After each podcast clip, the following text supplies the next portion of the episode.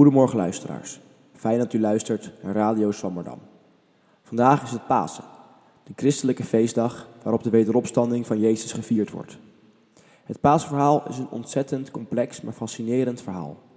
Het is een verhaal vol symboliek, tegenstellingen en zoals u misschien wel weet, het is een verhaal van verraad.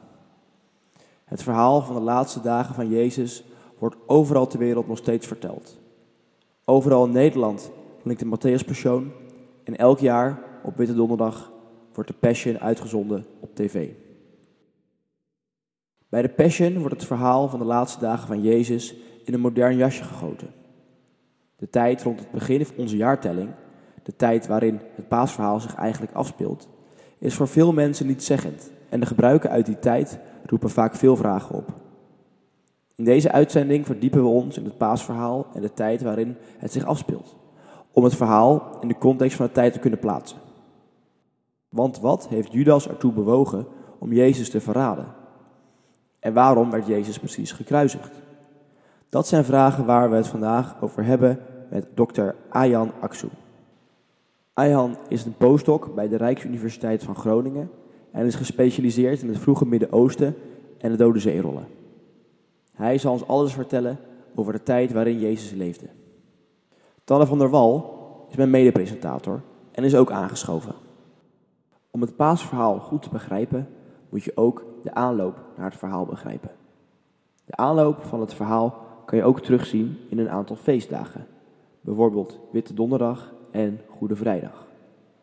Ik zal jullie als presentator door de grote lijnen van het verhaal lopen en vervolgens zullen we met dokter Ejan Aksu verder ingaan op de historische context van het verhaal.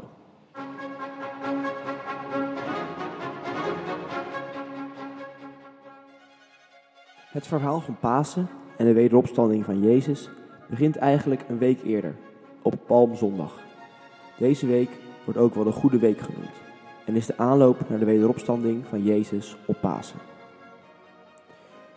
Volgens het Nieuwe Testament rijdt Jezus op deze dag op een ezel de stad Jeruzalem binnen. De mensen zijn door het dolle heen en verwelkomen hem als een koning tijdens zijn processie door de stad. Ze trekken palmtakken van de bomen en zwaaien deze in de lucht en roepen Hosanna voor de zoon van David. Jezus trekt hier in het verhaal naar Jeruzalem. Waarom gaat hij eigenlijk naar Jeruzalem toe? Ja, dat wordt niet expliciet verteld in de Evangelie en het Nieuwe Testament. Maar er zijn in ieder geval twee redenen daarvoor aan te wijzen. In de eerste plaats is het uh, Pasen, Pesach, het Joodse paasfeest. En dit is een van de belangrijkste feestdagen binnen de Joodse traditie. Uh, dat duurde een week. En uh, um, dit was een van de zogenaamde pelgrimsfeesten. En tijdens die, dat soort feesten werden alle Joden geacht om naar Jeruzalem te trekken om daar het feest eigenlijk gezamenlijk te vieren. Dus dat sowieso een reden, religieuze reden, gewoon de verplichting, de Joodse verplichting om naar Jeruzalem te gaan. Maar daarnaast was Jeruzalem in deze tijd ook de belangrijkste stad van Judea, van, van de regio, en het centrum van het Joodse geloof. En dit is voor Jezus natuurlijk de uitgelezen plek om ook zijn nieuwe leer, zijn nieuwe helsboodschap te verspreiden en nieuwe volgelingen te doen. Dus ik denk dat die twee redenen eigenlijk samenspelen. En uh, hoe zag de situatie uh, in Jeruzalem of Judea eruit in deze tijd? Om, om een beeld te schetsen van deze context. Ja, Jeruzalem was in deze tijd de belangrijkste stad van Judea en uh, het centrum van het Joodse geloof. Um, centraal in Jeruzalem was een grote tempel, waarin de Joodse priesters aan, aan God offerden. En dat is een beetje, dat kunnen we een beetje vergelijken met andere religies in de oudheid. Zoals bijvoorbeeld de tempels aan aan Zeus of Jupiter in, in Rome of in Griekenland. Um, Jeruzalem was een rijke stad. In Judea gold was relatief verstedelijkt. Het was, het was niet echt het hartland van het Romeinse Rijk. Ik bedoel, Rome, Athene, Alexandrië. Dat waren echt de grote metropolen. Maar Jeruzalem was zeker een, belangrijke stad. En de tempel was ook beroemd. Um, Judea in deze tijd. Judea was een, ongeveer een eeuw voor uh, uh, het verhaal van Jezus ingeleid door de Romeinen. En aanvankelijk was Judea een uh, koninkrijk met een Joodse koning aan het hoofd, die volgens wel de Romeinse keizer erkende. En daarna werd Judea een, een Romeinse provincie met aan het hoofd een prefect, een soort van gouverneur, die het land bestuurde. In de tijd van Jezus, wat is dit? Pontius Pilatus, die we in het Nieuwe Testament wel vaker horen. Um, en Judea ging een heel erg onrustige tijd in. Uh, het Jodendom was in die tijd heel erg pluriform, heel veel kleuren, veel kleuren. We hebben heel veel verschillende tradities en religieuze gemeenschappen uh, naast elkaar bestaan in deze tijd. En um, Judea heeft in deze tijd veel meer te maken met inmenging van Grieken en Romeinen. Het is onderdeel van het Romeinse Rijk. Uh, en dat zorgt ook voor bepaalde spanningen. Uh, dat zorgt ook voor dat er ja, dat religieus erg gelovige Joden moeite hebben om een weg te vinden met de aanwezigheid van die Romeinen en de Romeinse cultuur, de Grieks-Romeinse religies die dat met zich meebracht. Aan de andere kant zijn er weer andere groepen die daarin meegaan, die Griekse Romeinse gewoontes aannamen. Dus zo veelkleurig, een veelkleurige wereld in een heel uh, onrustige tijd. Dat is eigenlijk het idee in deze tijd. En je zei net dat voor uh, dat er een, een Romeinse prefect was in Judea, dat er Joodse koning was. Waarom is er een uh, Romeinse prefect in de plaats gekomen van deze Joodse koning? Klopt. De um, beroemdste koning, hebben jullie misschien wel eens van gehoord, dat was Herodes. Die was ook koning tijdens de geboorte van, uh, van Jezus. Um, na zijn koningschap uh, komt zijn zoon aan de macht. En dan gaat het eigenlijk mis. Er komen een reeks van opstandelingen, uh, van, een, van opstanden tegen zijn gezag. En de Romeinen die um, willen die opstanden onderdrukken en die willen eigenlijk meer inbreng hebben in de lokale politiek. Dus dan doen ze wat ze eigenlijk vaker doen als onderdeel van hun, van hun politiek. Dan stellen ze een eigen bestuurder aan. Maar dit betekent niet dat het volledig Joodse leven verandert. Dit was waarschijnlijk meer, meer iets bestuurlijks en ambtelijks. Bijvoorbeeld de tempel en de Joodse, priest, Joodse priesters daar, die bleven nog uh, hun eigen ding doen eigenlijk. Die hadden nog steeds het religieuze gezag. Maar uh, uiteindelijk is het om de lokale onrust uh, te beperken. En dan blijkt uiteindelijk dat dat een goed idee is en toch ook niet helemaal slaagt. Want later in de eerste eeuw zien we nog veel meer uh, opstanden en ja, strubbelingen tussen de Joden en Romeinen in Judea.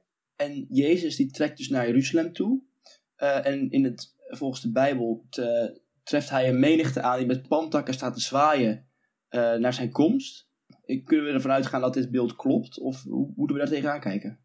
Ja, um, ja de mensen die bij het over heb, dat kunnen eigenlijk onderscheiden in verschillende groepen.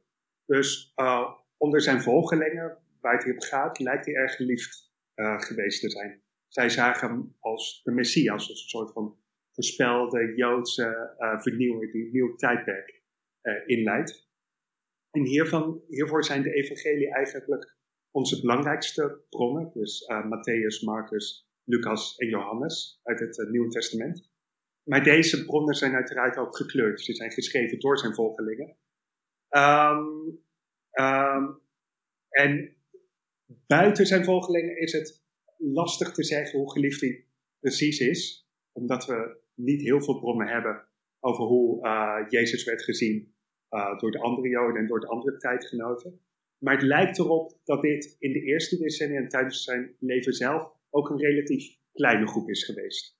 Dus de grote uh, meerderheid van de Joden die in Judea leefden, bleek, bleef uiteindelijk toch trouw of bleef uiteindelijk toch hechten aan het Joodse geloof van de rabbijnen, waar uiteindelijk het moderne Jodendom ook uit is ontstaan. Oké, dankjewel. Ja, we hebben het nu gehad over Palmzondag. Dat is de zondag voor Pasen. De dag dat u dit luistert is het eerste paasdag. Dus een week, dit beeld is een week voor vandaag af. Tanne, wij hebben al eerder een uitzending gemaakt over het christendom. Dat ging namelijk toen over het kerstverhaal. Uh, ik ben benieuwd, toen zei jij volgens mij dat paas je favoriete feestdag was. Ken je het paasverhaal een beetje? Zei ik dat toen? Wij wel, je had even paaseitjes. Paaseitjes, ja, dat is natuurlijk heel anders uh, uh, dan het christelijke Pasen. Um, ja, nee, voor mij is Pasen wel echt vooral een vrije dag eigenlijk. Ik denk omdat ik niet christelijk ben opgevoed, heb ik het verhaal erachter niet, niet goed genoeg meegekregen, denk ik ook. Ik denk, als ik uh, terugkijk ook op al mijn uh, openbare basisscholen, dat ik denk dat daar best wel wat meer aan gedaan mag worden. En ik vind mezelf dan ook eigenlijk vaak wel de week voorafgaand aan Pasen dat we wel ergens aan de lunchtafel zitten van, oh ja, waarom hebben we nou ook weer vrij? Ik denk dat dat dan toch wel mijn voornaamste associatie met Pasen is. Ja. Nou, dat gaat hopelijk deze uitzending allemaal duidelijk worden. We gaan door met het verhaal. We zijn nu aangekomen op Witte Donderdag, een paar dagen na Palmpasen. Jezus is al een paar dagen in Jeruzalem. Op Witte Donderdag gaf Jezus zijn twaalf leerlingen de opdracht om een avondmaal te bereiden.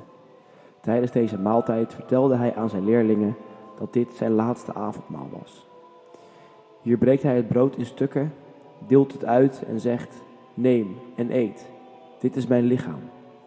Ook gaf hij hun een wijnbeker en zei: Drink er allen uit, want dit is mijn bloed van het verbond, voor velen uitgegoten tot vergeving van zonde. Volgens het evangelie van Johannes wast hij ook de voeten van zijn leerlingen.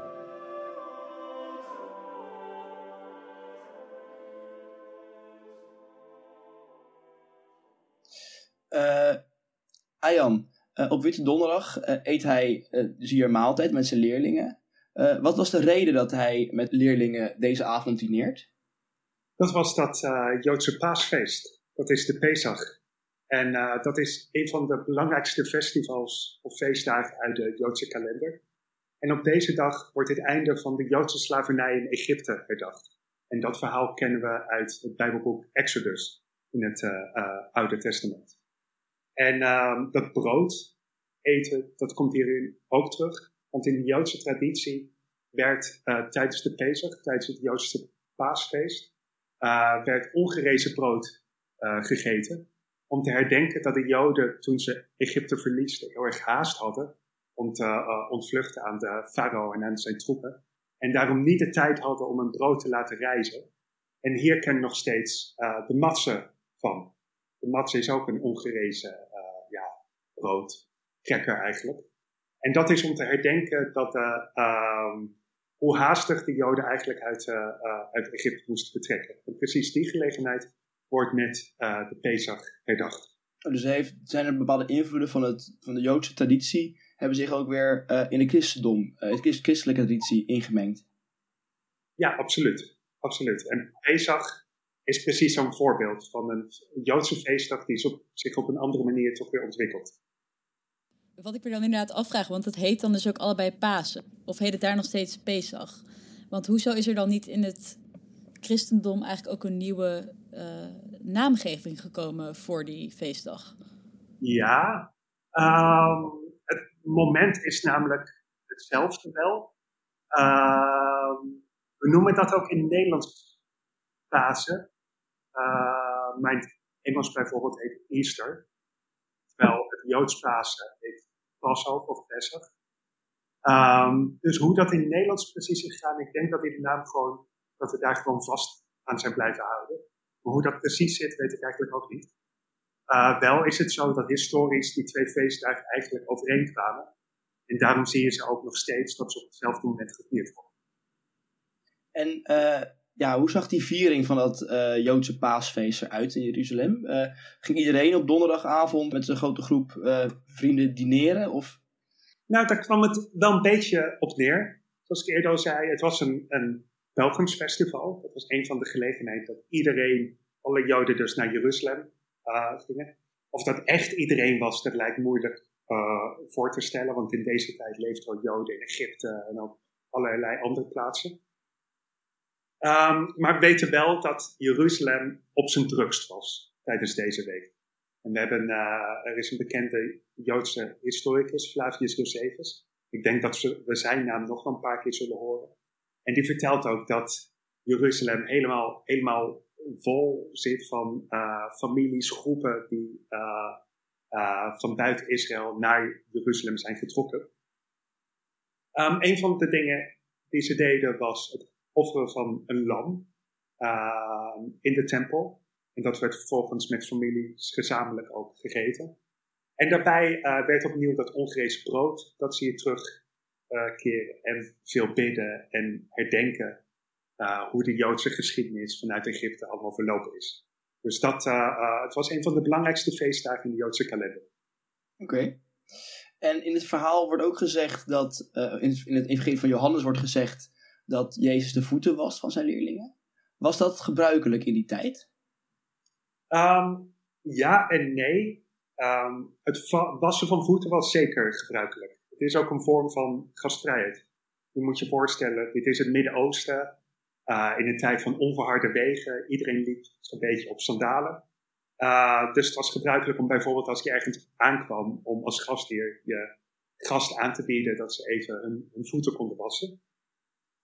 Um, daarbij komt ook nog een keer dat het Jodendom echt grote waarde hecht aan, aan rituele zuiverheid. Er zijn heel veel rituele gebruiken die verband uh, houden met het, het, wassen van jezelf. Um, de Torah zegt bijvoorbeeld, het, Oude Testament zegt bijvoorbeeld dat priesters hun handen en voeten moeten wassen voordat ze uh, mogen offeren. Um, de Dode Zeerollen, uh, vroeg Joodse teksten uit ongeveer de tijd van Jezus, hebben het hier ook vaak over, over het gebruik om je handen en voeten en jezelf te wassen. Uh, trouwens, in, in moslims doen dat nog steeds. Vandaag de dag, als je een moskee binnengaat, dan word je ook gevraagd om nadrukkelijk je voeten ook te wassen. Um, dus voor Joden is dit zeker ook belangrijk, die rituele zuiverheid. En ook bij Pasen uh, komt dit terug. Zo erg dus dat er dus een speciale, een tweede paasfeest was, een soort van kleinere paasfeest voor Joden die, die niet in de gelegenheid waren uh, om het eerste paasfeest te vieren, omdat ze ritueel onrein waren. Dat kan bijvoorbeeld wanneer ze menstrueerden, of mensen wanneer ze uh, overleden of met lijken in contact waren, um, gekomen. Um, en het paasfeest is natuurlijk een, een uitstek zo'n rituele gelegenheid. Dus het past er denk ik wel goed bij dat je vooraf daaraan je, je handen en je voeten wast. Uh, wat wel bijzonder is, en wat denk ik ongebruikelijk is, is dat Jezus dat zelf doet. Als, als rabbijn, als rabbi, als religieuze leider. Uh, dat, dat is niet gebruikelijk dat een priester bijvoorbeeld dat doet bij zijn volgelingen. Um, en wat hij erbij vertelt is ook bijzonder in dat evangelie van Johannes. Hij ziet het als een les in naaste liefde en neder, nederigheid die hij over zijn volgelingen deelt. En dit is natuurlijk de laatste avond dat Jezus uh, uh, met zijn volgelingen is. Dat hij samen met zijn avond eet.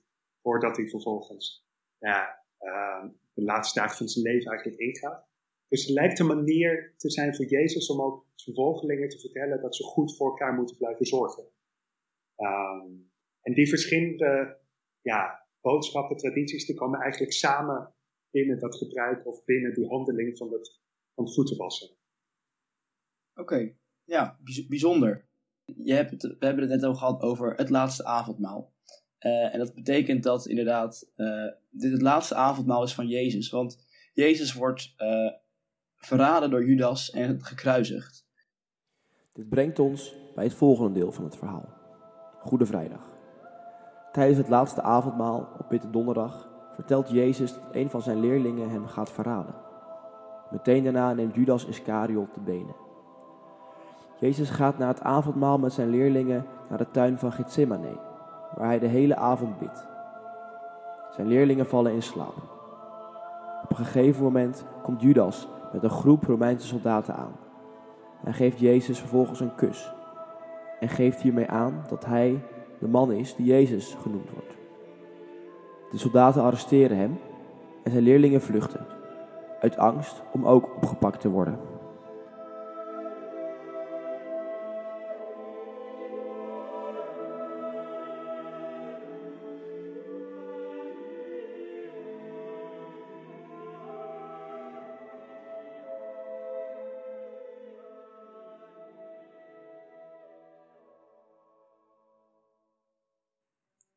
Tegenwoordig wordt Judas vaak geportretteerd als uh, het kwaad, als de egoïstische antagonist uh, in het verhaal van Jezus. Is het beeld uh, consistent door de tijd heen of keek men vroeger anders naar de rol die Judas vervult in het verhaal van Jezus? Ja, dat is een heel, heel goede vraag. Judas is een van de meest interessante, maar ook een van de meest paradoxale figuren uit het Nieuwe Testament. Eigenlijk een fascinerende, bijna romanfiguur met zijn veelzijdigheid eigenlijk. En dat zie je ook terug in de evangelie zelf. Die gaan op een verschillende manieren met het verhaal van, van Judas om. Uh, bijvoorbeeld het, echte, de echte reden van zijn verraad blijft voor ons een beetje een geheim. We, leren vrijwel niks over het perspectief van Judas zelf. Um, het evangelie is, van, van Marcus is, is het kortste evangelie. Het beschrijft dit soort zaken meestal het meest to the point. We denken ook dat dit het oudste van de evangelie is. En hier wordt vrijwel niks verteld over de redenen voor dit verraad van, Judas.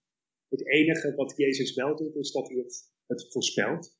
Dus in die, uh, in die zin lijkt een soort van, ja, het lijkt een soort van uh, vervulling van zijn eigen lot te zijn. En dan heb je die, die beroemde regels, dat hij zich dan richt tot zijn, tot zijn volgelingen en zegt van, een van jullie zal mij verraden. Um, de evangeliën van Lucas en Johannes, die suggereren dan weer dat uh, uh, Judas door Satan zelf was bezeten, werd bezeten. Dus dat eigenlijk de duivel was die hem hiertoe bracht. En het evangelie van Matthäus beschrijft dan weer uitgebreid hoe schuldig Judas zich daarna voelde. Um, en dat hij de zilverstukken die hij kreeg, want hij werd betaald voor zijn verraad, is dus betaalde en daarvoor, dat hij die wilde teruggeven en zich daarna uh, zelf ophing. Dus dan krijg je weer het idee van ja, als die door Satan zelf was uh, bezeten, hoe schuldig ben je dan aan zo'n daad? Dus je ziet dat die, verschillende, die evangelie op verschillende manieren het probleem van Judas eigenlijk proberen uh, op te lossen. Dus het blijft eigenlijk nog één groot mysterie, hoe, wat de beweegredenen waren van Judas. Ja, uh, ja, eigenlijk wel. Ja, en je ziet vooral, ja, evangelie die vertellen het verhaal van Jezus. En zelfs bij Jezus zelf is soms moeilijk om te interpreteren wat precies zijn beweegredenen waren. Uh, dat zie je bijvoorbeeld, nou, je stelde eerder die vraag over waarom ging je eigenlijk naar Jeruzalem tijdens, tijdens Pasen. Dat zou zeker te maken hebben met het religieuze feestdag zelf. Aan de andere kant, hij was ook een religieus vernieuwer die zijn boodschap wilde verspreiden. Dus ging hij daar daadwerkelijk naartoe om zijn religie te beleiden, of ging hij daarheen om volgelingen te werven. Dus dat, dat zijn dingen waar je nooit helemaal uitkomt. En dat geldt er helemaal voor de karakters, voor de personages om Jezus heen, zoals Judas. Dus, uh, uh, dus nee, we weten eigenlijk niet vanuit het perspectief van Judas zelf wat hem daartoe bewoog. Het kan ofwel zijn dat hij door de duivel was bezeten, ofwel gewoon een kans zag om heel erg rijk te worden. Misschien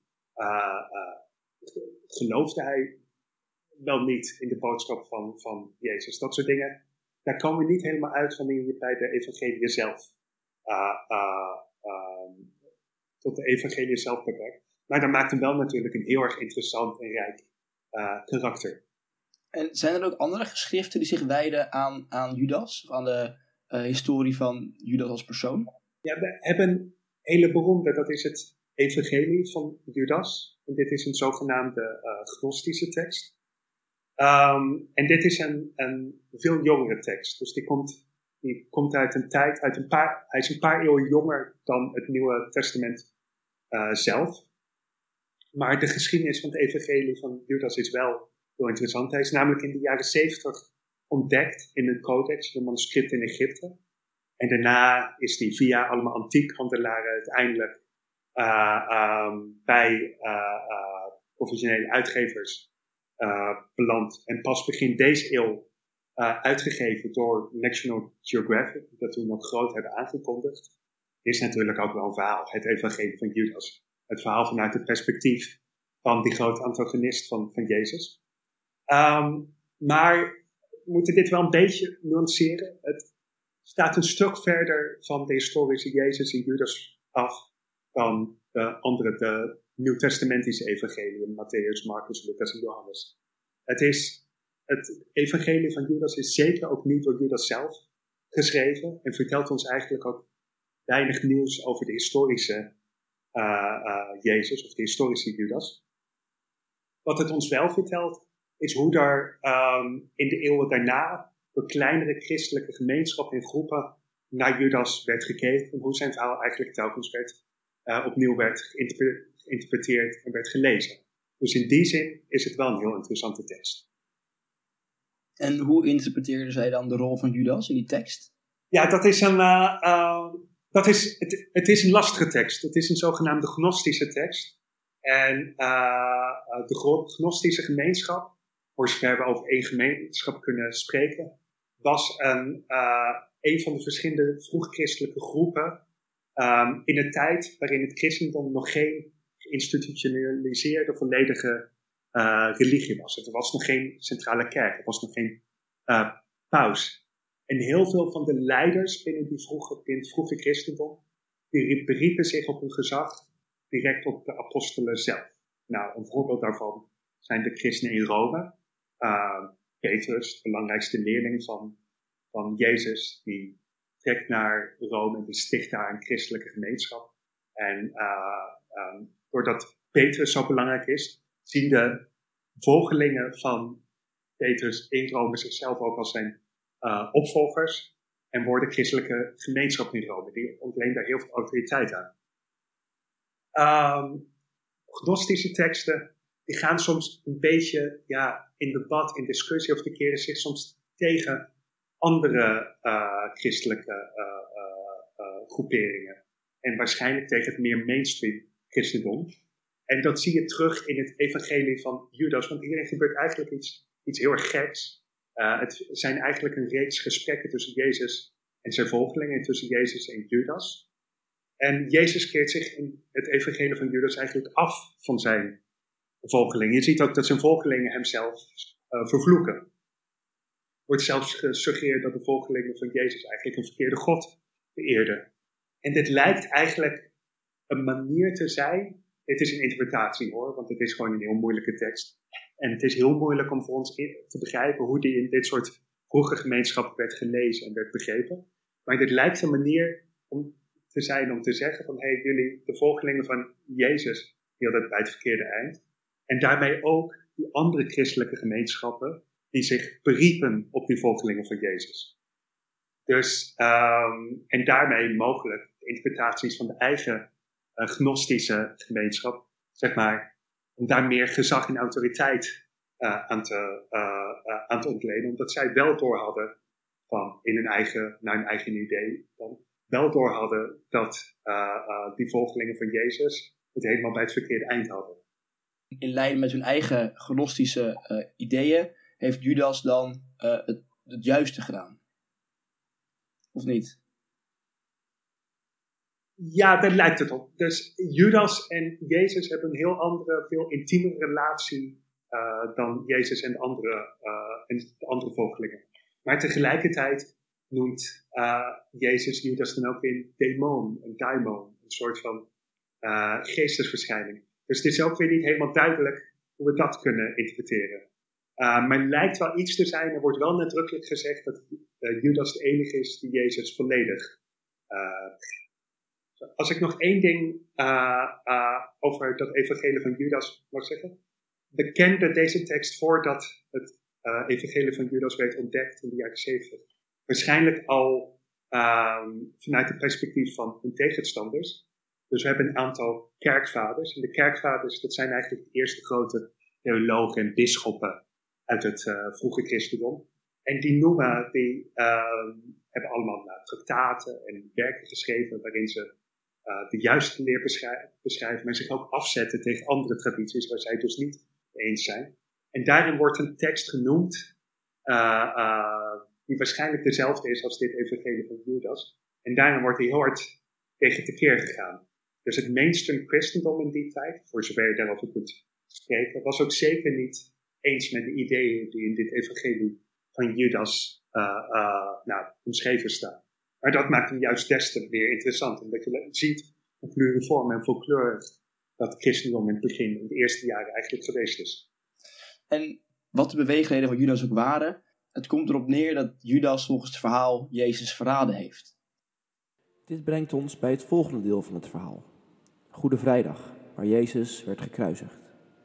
Volgens het verhaal waren het de Joodse schriftgeleerden, aangevoerd door hoge priester Caiaphas, die Jezus beschuldigde van godslastering. Echter mochten zij hem niet zelf ter dood brengen.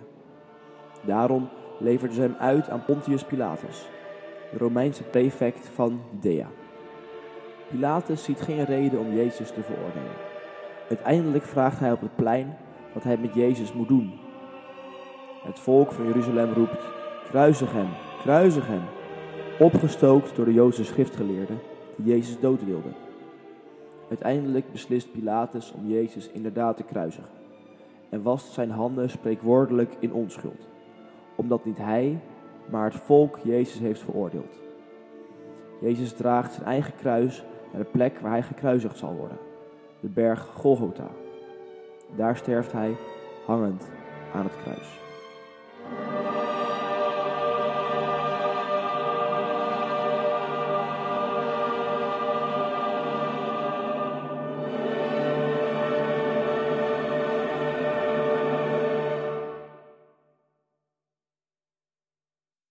De eerste vraag die er opkomt is: waarom heet deze christelijke dag Goede Vrijdag? Dat is toch juist tegenintuïtief, aangezien de dood van hun Messias of Jezus een desastreuze gebeurtenis hoort te zijn in uh, hun geschiedenis.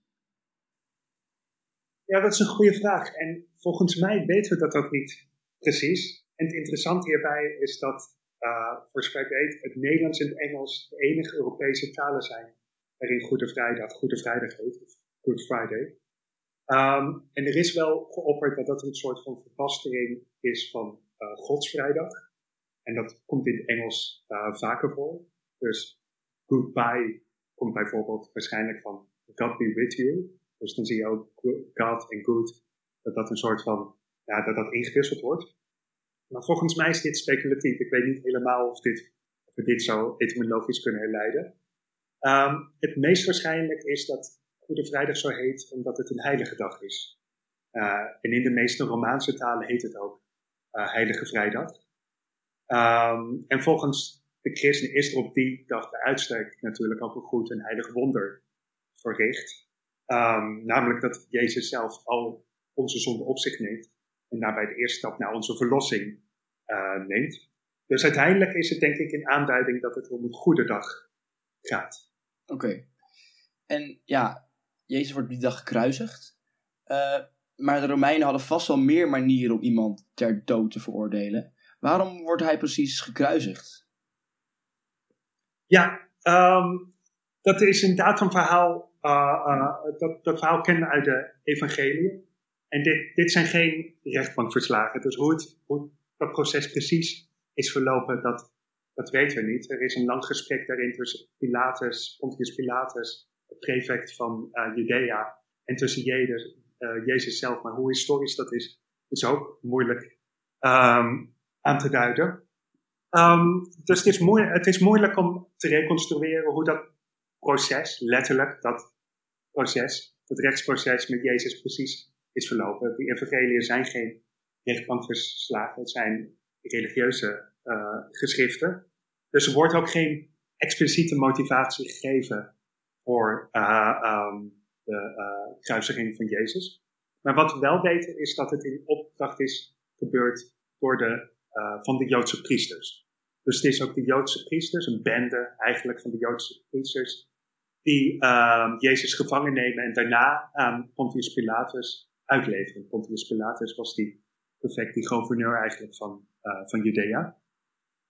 En dit gebeurde omdat ze hem zagen, omdat ze Jezus zagen, als een bedreiging voor de bestaande orde en daarmee ook voor hun christelijke gezag. En het evangelie van Marcus heeft hier al best wel een bijzondere scène over. Um, want daarin wordt beschreven hoe, hoe Jezus, als hij aankomt in Jeruzalem, naar de tempel trekt, naar het tempelplein. En dat is in die tijd, de tempel is echt het centrum van het Joodse leven. Zowel religieus, maar ook uh, maatschappelijk, gemeenschappelijk. Er is van alles aan de hand daar. Er zijn handelaren, geldwisselaars. En daar gaat Jezus eigenlijk heel erg tegen tekeer. Op een manier die van Jezus niet echt kennen. Hij gooit de tafels om van de mensen die daar handel aan drijven zijn. En hij noemt de tempel zelfs op een gegeven moment een rovershol. Dus het is duidelijk dat, uh, dat hij het niet eens is met hoe de tempel gerund wordt. En daarmee hoe de priesters het religieuze leven in Judea daar leidingen geven, dat besturen. En daarmee werd Jezus zelf dus een bedreiging voor hun autoriteit en voor de autoriteit van de tempel en de tempelpriesters. Nou, wat zij dus deden, de priesters zelf hadden niet het gezag om mensen ter dood te brengen. Dat was nu eenmaal niet iets wat, uh, wat, wat priesters deden, ook bijvoorbeeld in het Oude Testament niet. Maar wat ze wel konden doen, is het Romeins gezag op de hoogte brengen. En het Romeins gezag dus eigenlijk verzoeken, of in dit geval onder druk zetten om Jezus te vervolgen. En dat is ook wat er volgens de evangelie is gebeurd. Volgens de evangelie van Marcus? Nou, deze scène die uh, kennen we uit Marcus. En Marcus is het oudste evangelie. Dus uh, uh, daarom, als het eenmaal bij Marcus is gebeurd, dan, ja, ik wil niet zeggen, het is iets te gemakkelijk om aan te nemen dat het dan ook daadwerkelijk is gebeurd. Maar andersom bijvoorbeeld werkt het wel zo. Dus de, uh, het kerstverhaal uh, kennen we bijvoorbeeld niet uit het evangelie van Marcus, maar wel uit andere evangelieën. En daarvan nemen we aan dat dat bijvoorbeeld een, meer een literaire creatie is. Terwijl dit, um, wat Jezus deed op het tempelplein, nou, noemen we een rovershol en het omgooien van al die, van al die tafels, dat is zo out of character eigenlijk voor zijn juist, weet je wel, uh, ja, um, uh, zijn zachtaardige, uh, keer de andere bang, dat soort dingen. Daarom nemen we aan dat dit soort scènes mogelijk wel een historische kern hebben. Oké. En uh, ja, hij werd dus gekruisigd. gebeurt dat vaak in die tijd? Of is dat een heftige straf? Ja, hoe vaak het precies voorkwam, weet ik niet. Maar het is wel een bekende executiemethode. Ik neem aan, misschien hebben jullie wel eens van Alexander de Grote gehoord. Die uh, uh, op een gegeven moment het hele nabij Oosten, Midden-Oosten veroverd. Nou, hij, Alexander de Grote mocht zijn tegenstanders graag kruisigen. Daar zijn een hoop voorbeelden van. Um, de Grieken en Romeinen zagen het als een heel erg vrede manier om iemand ter dood te brengen. Dus meestal werd die straf niet toegepast op Romeinse burgers. Die werden meestal met het zwaard geëxecuteerd. Um, kruising was echt een bijzonder zware straf die vaak werd uh, uh, toegepast op opstandelingen en rebellen. Uh, dus dat vertelt ons ook een beetje hoe Jezus werd gezien als een soort van oproeikraai, als een rebel. Nou, een, bekende, een bekend verhaal over kruisiging is Spartacus. Dat is die slaaf die op een gegeven moment in opstand komt tegen de Romeinen en op een gegeven moment een heel slavenleger leidt. Um, volgens de historische teksten uh, werd Spartacus, of in ieder geval zijn volgelingen, werden ook allemaal gekruisigd. Dus dat is bij uitstek een, straf voor dat soort, ja, is eigenlijk. dus dat zegt wel ook iets over de, hoe de Romeinen mogelijk naar Jezus keken. Ja, absoluut. Ja.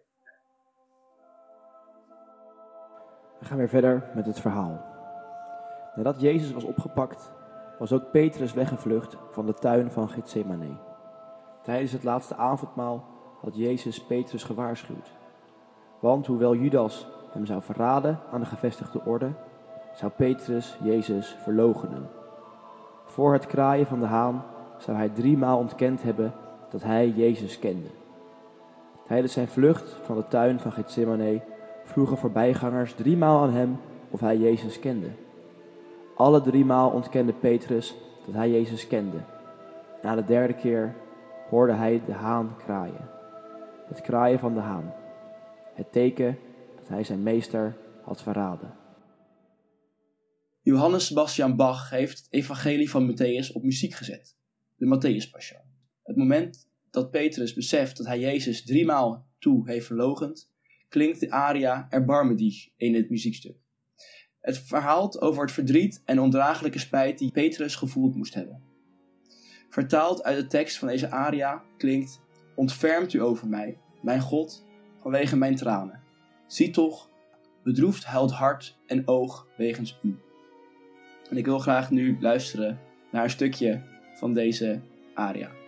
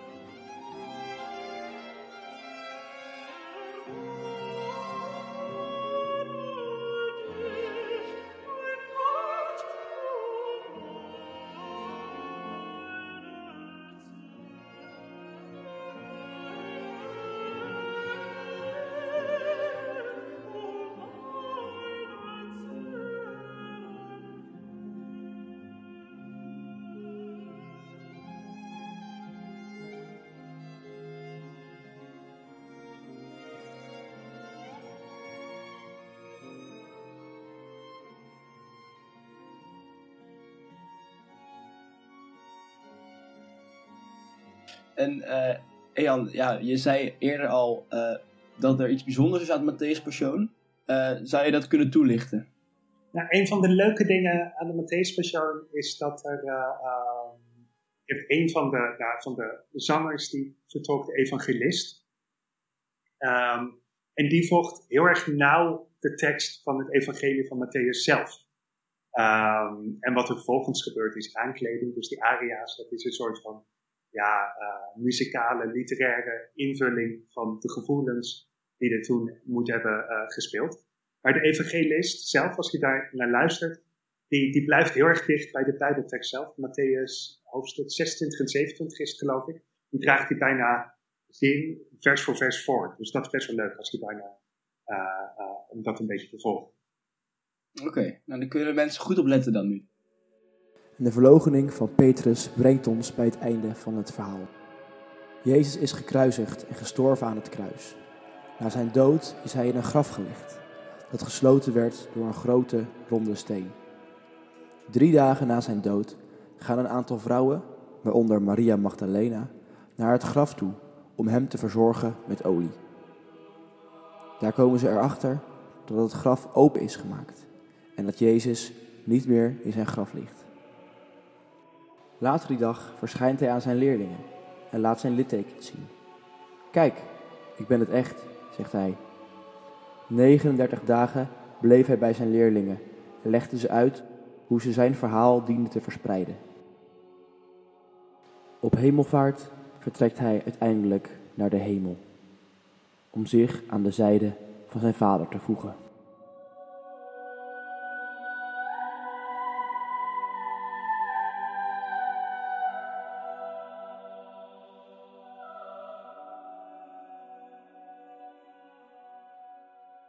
Jezus speelt een hele grote rol in de tijd waarin hij leefde. Ik kan me voorstellen dat mensen zoiets de moeite waard vonden om ook te documenteren. En dat hij of zijn leerlingen genoemd worden in bijvoorbeeld staatsdocumenten. Zijn er, voor zover jij weet, ook geschreven bronnen die naast de vier evangelisten over Jezus schrijven? Um, ja. Om te beginnen, uh, nog een kleine opmerking over die uh, uh, evangeliën. Dat zijn inderdaad de belangrijkste bronnen voor het leven van Jezus. Maar het zijn niet de oudste teksten uit het Nieuwe Testament. En het is eigenlijk een beetje onhandig, want ze staan helemaal aan het begin. Dus je zou zeggen, dit is waar het begint. Maar de brieven van Paulus, en Paulus is een van de volgelingen van Jezus, um, die daarna de wereld intrekt en uh, brieven schrijft naar verschillende gemeenschappen. Uh, dat zijn eigenlijk oudere teksten dan de evangeliën. Uh, ze vertellen ons meer over de leer van Jezus en van de vroege christenen en hoe Paulus daarnaar kijkt. En wat minder over het leven van Jezus zelf. Maar toch ook, um, ja, toch ook is Paulus zelf een belangrijke bron voor uh, het vroege christendom en voor het leven van Jezus. En buiten het Nieuwe Testament zijn er eigenlijk twee bronnen. En dat zijn niet echt staatsdocumenten. Die hebben helaas maar heel weinig uit de, uit de oudheid. Um, dat is helaas wel uit de geschiedenis, uit de geschiedenis werkt. Als we een keer een staatsdocument hebben, dan is dat hier en daar een contractje, vaak uit Egypte, of een, of een, of een brief. Maar van de meeste uh, uh, figuren die we uit de oudheid kennen, hebben helemaal geen staatsdocument helaas. Wat we wel hebben is twee verwijzingen naar Jezus die relatief dicht uh, op zijn leven zelf geschreven zijn. Um, en één daarvan is van de Joodse historicus Flavius, Flavius Josephus, die ik ons eerder noemde. Um, en die heeft een belangrijk werk geschreven waarin hij uh, de Joodse geschiedenis eigenlijk vertelt aan een niet-Joods publiek, aan een Grieks-Romeins publiek. En daarin uh, geeft hij een beschrijving van uh, de christenen aan het eind van de eerste eeuw na Christus. En dat is een relatief een korte, maar vrij feitelijke beschrijving, hoewel wel aannemen dat die vaak is aangepast en misschien wel in zijn geheel is toegevoegd door latere christenen die het, de christenen eigenlijk in de tekst wilden schrijven. Um, dat is altijd een probleem wat we met dit soort teksten hebben. Um, en verder is het een vrij feitelijke beschrijving van ja, Jezus zelf. Uh, er wordt verteld dat hij dus uh, een soort wonderen verrichtte. Uh, dat zijn volgelingen heel erg van hem hielden. En dat, er, er goddelijke daden aan hem werden toege, toegekend. En dat tot op de dag van vandaag de christenen in Jeruzalem niet zijn verdwenen. Dus daarin zien we een soort van continuïteit van de christelijke uh, gemeenschap in Judea, ook na uh, het leven en dood van, van Jezus. En de andere bron is van de Romeinse geschiedkundige historicus Tacitus. En dat kunnen we vrij goed dateren tot ongeveer 116 na Christus. En in deze context, hij heeft het over de christenen in de context van een grote brand in Rome in het jaar uh, 64 uh, na Christus onder uh, keizer Nero. Die jullie mogelijk eens van hebben gehoord. Nou, Nero stond bekend als een megalomane, narcistische keizer. Um, en hij gaf de christenen de schuld van die brand. Waar, en die brand die zorgde eigenlijk ervoor dat een groot deel van Rome in, in as werd gelegd. Nu, uh, Tacitus gaat er niet in mee dat de christenen daar de schuld uh, uh, aan hebben. Maar hij is wel heel erg negatief over de christenen. Hij noemt het een kwaadaardig bijgeloof en een bron van het kwaad. Dus hij ziet uh, christenen niet als een heel goede ontwikkeling.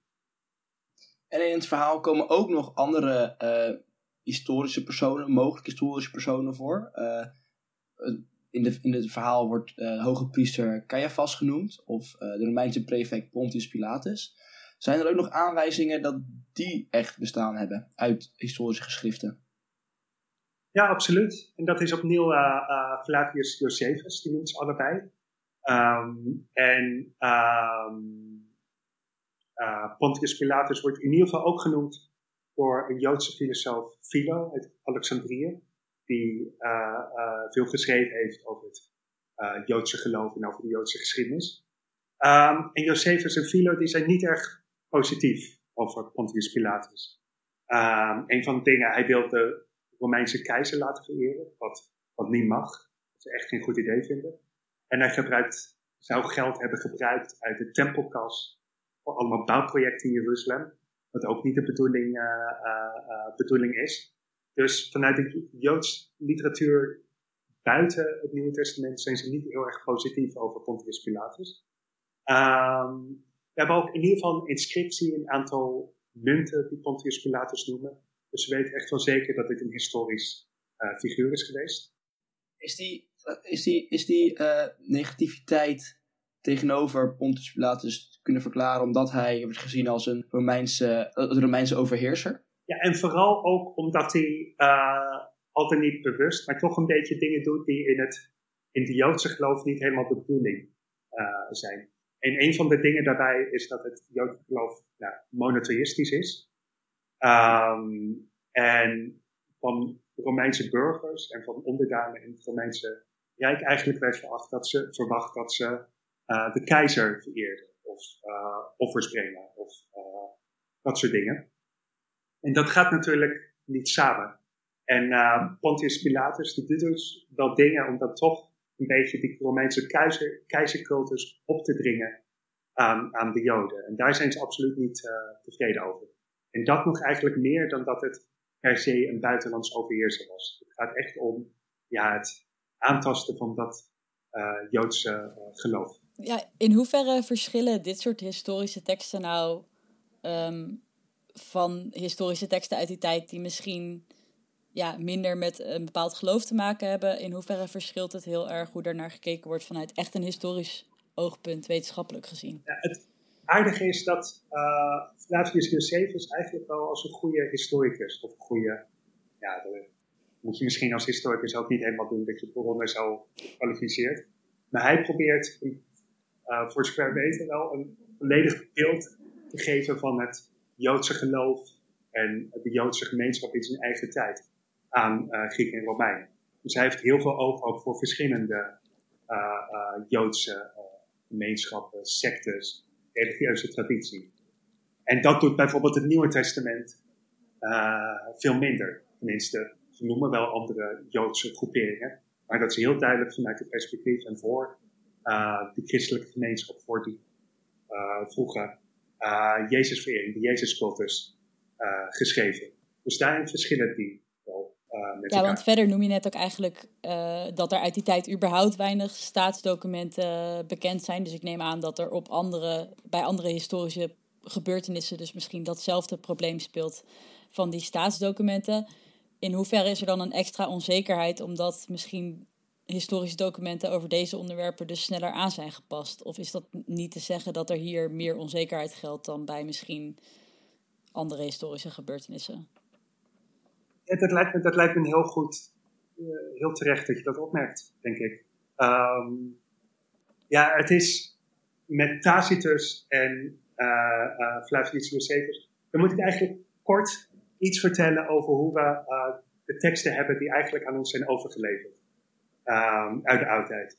Het zijn kort gezegd, zijn er twee uh, mogelijkheden. Ofwel, we hebben uh, oude manuscripten die overgeleverd zijn. Um, hier hebben we een aantal voorbeelden van. Nou, de Dode Zegel was een heel bijzonder voorbeeld. Dit zijn Joodse teksten uit de tijd van Jezus zelf.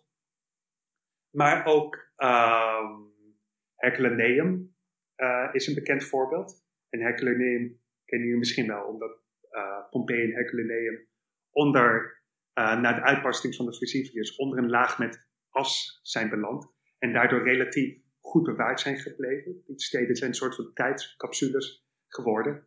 En daardoor zijn er ook, is een hele collectie met manuscripten bewaard gebleven. Dus dat is eigenlijk hiermee, uh, dit zijn hele bijzondere bronnen voor historici. Omdat we hierbij direct terug kunnen grijpen naar de tekst uit de oudheid zelf. En dat zegt iets unieks. De andere vorm is door uh, uh, continue tekstoverdracht. Dus wanneer de teksten 2000 jaar of nog langer uh, overgeschreven zijn en gekopieerd zijn. Um, dat gebeurde bijvoorbeeld vaak um, in de middeleeuwen in christelijke gemeenschappen, door monniken bijvoorbeeld. Dat is een beetje het traditionele beeld. En dat is ook heel belangrijk. Heel veel van onze belangrijkste bronnen, ook Tacitus en Flavius Josephus, die kennen we door die eeuwenlange tekstoverdracht. Maar dat zorgt er ook wel voor dat we een beetje overgeleverd zijn aan de grillen van 2000 jaar kopiisten, schrijvers die een eigen ideeën hebben en een eigen belangen. En vaak is dat ook niet met kwade wil, maar dat is alleen al door de keuzes die ze maken. Dus we hebben bijvoorbeeld um, heel veel geschriften van Plato. We denken dat we misschien wel alles van Plato overgeleverd hebben, omdat Plato ook heel erg belangrijk werd voor uh, latere christelijke theologen en uh, uh, mensen die uh, christelijke tekst interpreteerden en vergeleken met de Grieks-Romeinse filosofie. Um, maar hele andere teksten die minder interessant werden gevonden, daar hebben we bijvoorbeeld veel minder van. En juist door die tekstoverdracht moeten we voorzichtig zijn met, ja, um, met de belangen, met, moeten we in oog houden welke belangen de kopiisten eigenlijk hadden. En dat is ook juist bij teksten die, uh, uh, die over Jezus gaan, ligt dat gewoon heel erg gevoelig. Dus dat kleine stukje tekst dat we hebben binnen uh, het werk van Flavius, Flavius Josephus, waarin hij het heeft over, het, over die vroege christelijke gemeenschap. Dat is juist een tekstje waarbij het heel moeilijk is om aan te geven wat precies origineel is geweest en wat er later ja, is, is toegevoegd dat blijft altijd een moeilijk probleem. Ja. ja het is goed om dat in gedachten te houden. Ayan, ik wil je heel erg bedanken voor uh, je bijdrage in deze uitzending. Ik denk dat een hoop mensen er heel veel op, van hebben opgestoken. En uh, ik denk dat het heel erg helpt om het hele verhaal nog uh, in perspectief te plaatsen. Ook in historische context. Dan wil ik u, de luisteraar, bedanken voor het luisteren naar deze uitzending over het paasverhaal. Ook wil ik Tanne bedanken voor haar bijdrage als medepresentator. Deze uitzending staat nu ook online en is terug te luisteren op al uw podcastkanalen. Deel hem vooral met iemand waarvan u denkt dat diegene wel een opfriscursus paasverhaal kan gebruiken. Wilt u nooit meer iets missen van Radio Swammerdam? Volg ons dan op Twitter, Facebook of Instagram. U kunt ons ook bereiken per e-mail op radioswammerdam.gmail.com. Mijn naam is Thomas Verhagen. Bedankt voor het luisteren en nog een fijn Pasen gewenst.